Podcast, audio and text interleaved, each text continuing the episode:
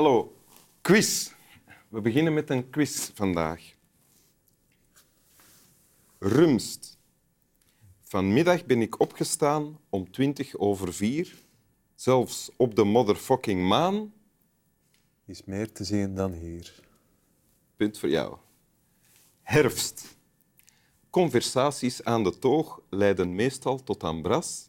Dus ik vries nog liever dood. Op een onverwarmd terras. Twee op twee. Liefde. Ik ken de liefde door en door. Maar heb er de fysiek niet voor. drie op drie. Proficiat. En daarmee eh, ben je meteen ook geïntroduceerd. Johan Sebastian Stuur, dichter van het soort gedichten dat we net samen hebben opgezegd. Ehm, huisdichter van Humo. En ook hier in uh, Winteruur hebben we al vaak ons voordeel gedaan met jouw gedichten. Ik heb ze al vaker voorgelezen uh, in inleidingen. Wat een hele eer was. Ja. En nu ineens drie tegelijk ook nog. Mm -hmm.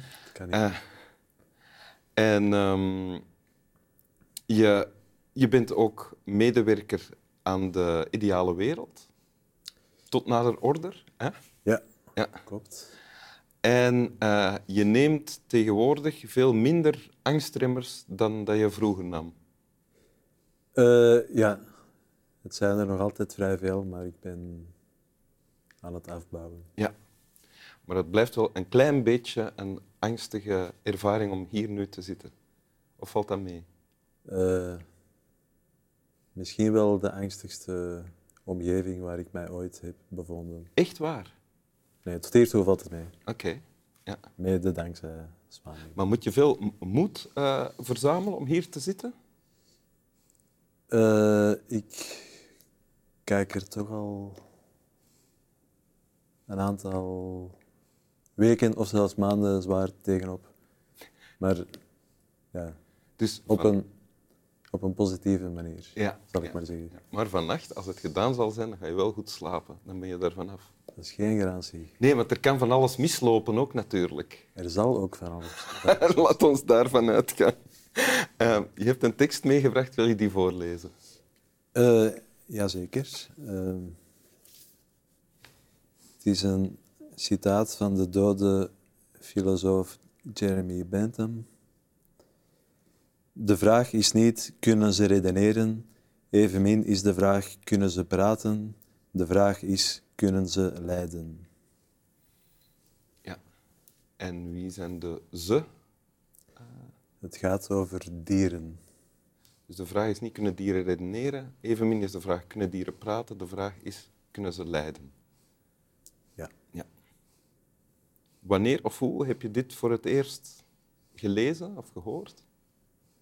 Uh, dat moet rond mijn zestiende geweest zijn.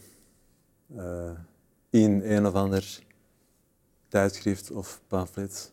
Ik weet het eigenlijk niet exact meer. Maar ik was toen al een tijdje bezig met die problematiek. Enfin, ik was mijn eetgewoonten al eventjes in vraag aan het stellen ja?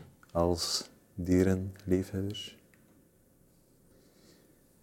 En toen ik dan dit citaat tegenkwam, vond ik dat wel um, het ultieme argument om vlees en dan veel later bij uitbreiding uh, alle dierlijke producten voor altijd af te zweren. Dus um, je las dit en het werd heel helder voor jou. Ik ga geen vlees meer eten. Klopt dat? Ja. En dat mocht ook gewoon van mijn ouders. Ja? Die zijn mij zelfs gevolgd. Mijn zussen ook. Er is eigenlijk vanaf die dag, allez, vanaf het moment dat ik die knoop heb doorgehakt, eigenlijk bij ons thuis geen vlees meer op tafel gekomen. Dus dat was heel lief en begripvol van mijn ouders. En het feit dat je, want je bent uh, vegetariër, maar ook veganist, begrijp ik, hè? Ik ben met de jaren meer en meer geradicaliseerd. En nu... Geradicaliseerd? Ja. Uh, enfin, in de ogen van mensen komt het daar wel op neer. En sinds een aantal jaren ben ik inderdaad uh, veganist of herbivor, wat ik een mooier woord vind. En de kern eh, voor jou van jouw keuze om eh, geen dieren of aanverwante dierenproducten te eten, ligt bij het leed dat dieren ondervinden daarvan. Hè? Klopt dat?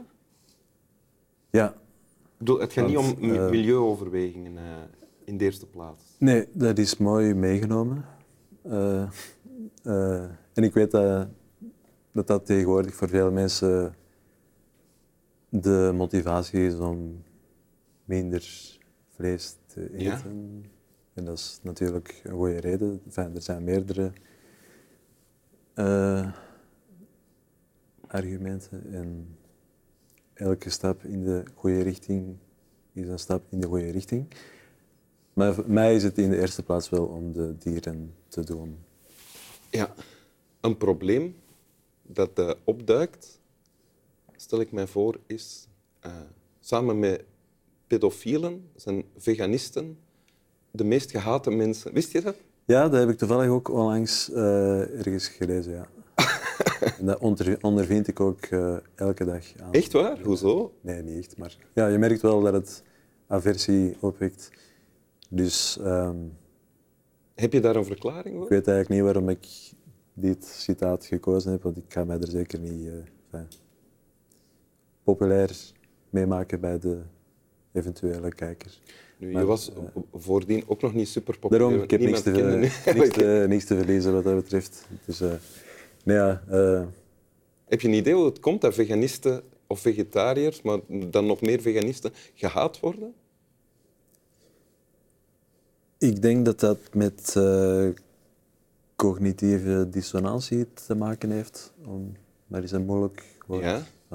te houden. Cognitieve dissonantie bij, eh, Ehm, bij de niet-veganisten dan? ja. Want de meeste mensen zien zich, of beschouwen zichzelf wel als dierenvrienden. Maar ehm, ja.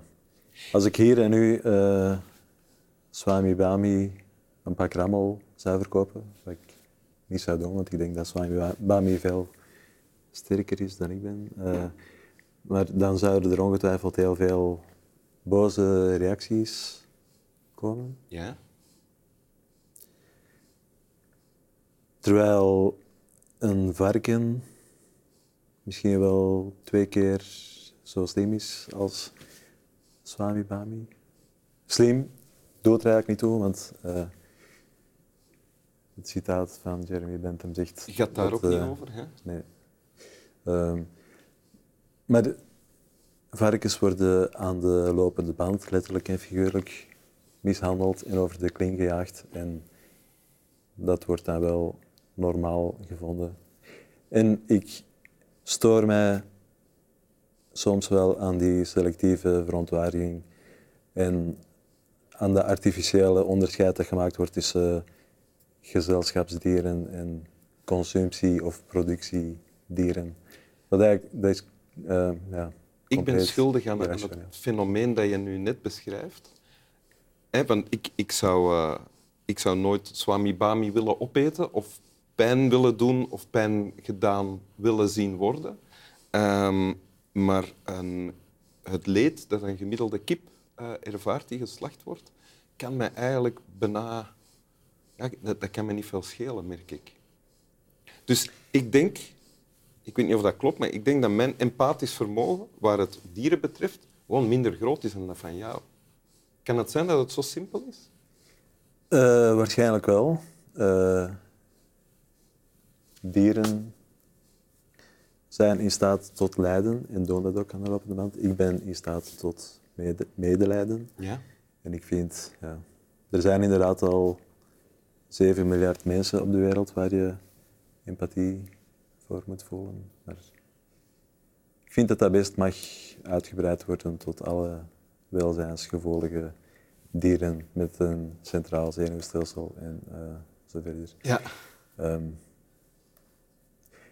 maar het staat iedereen vrij om daar een verkeerde mening over te hebben. Oké. Wil je de tekst nog eens voorlezen? Eh, graag. de vraag is niet, kunnen ze redeneren? Evenmin is de vraag, kunnen ze praten? De vraag is, kunnen ze lijden? Dank u. Plezier. Slap wel.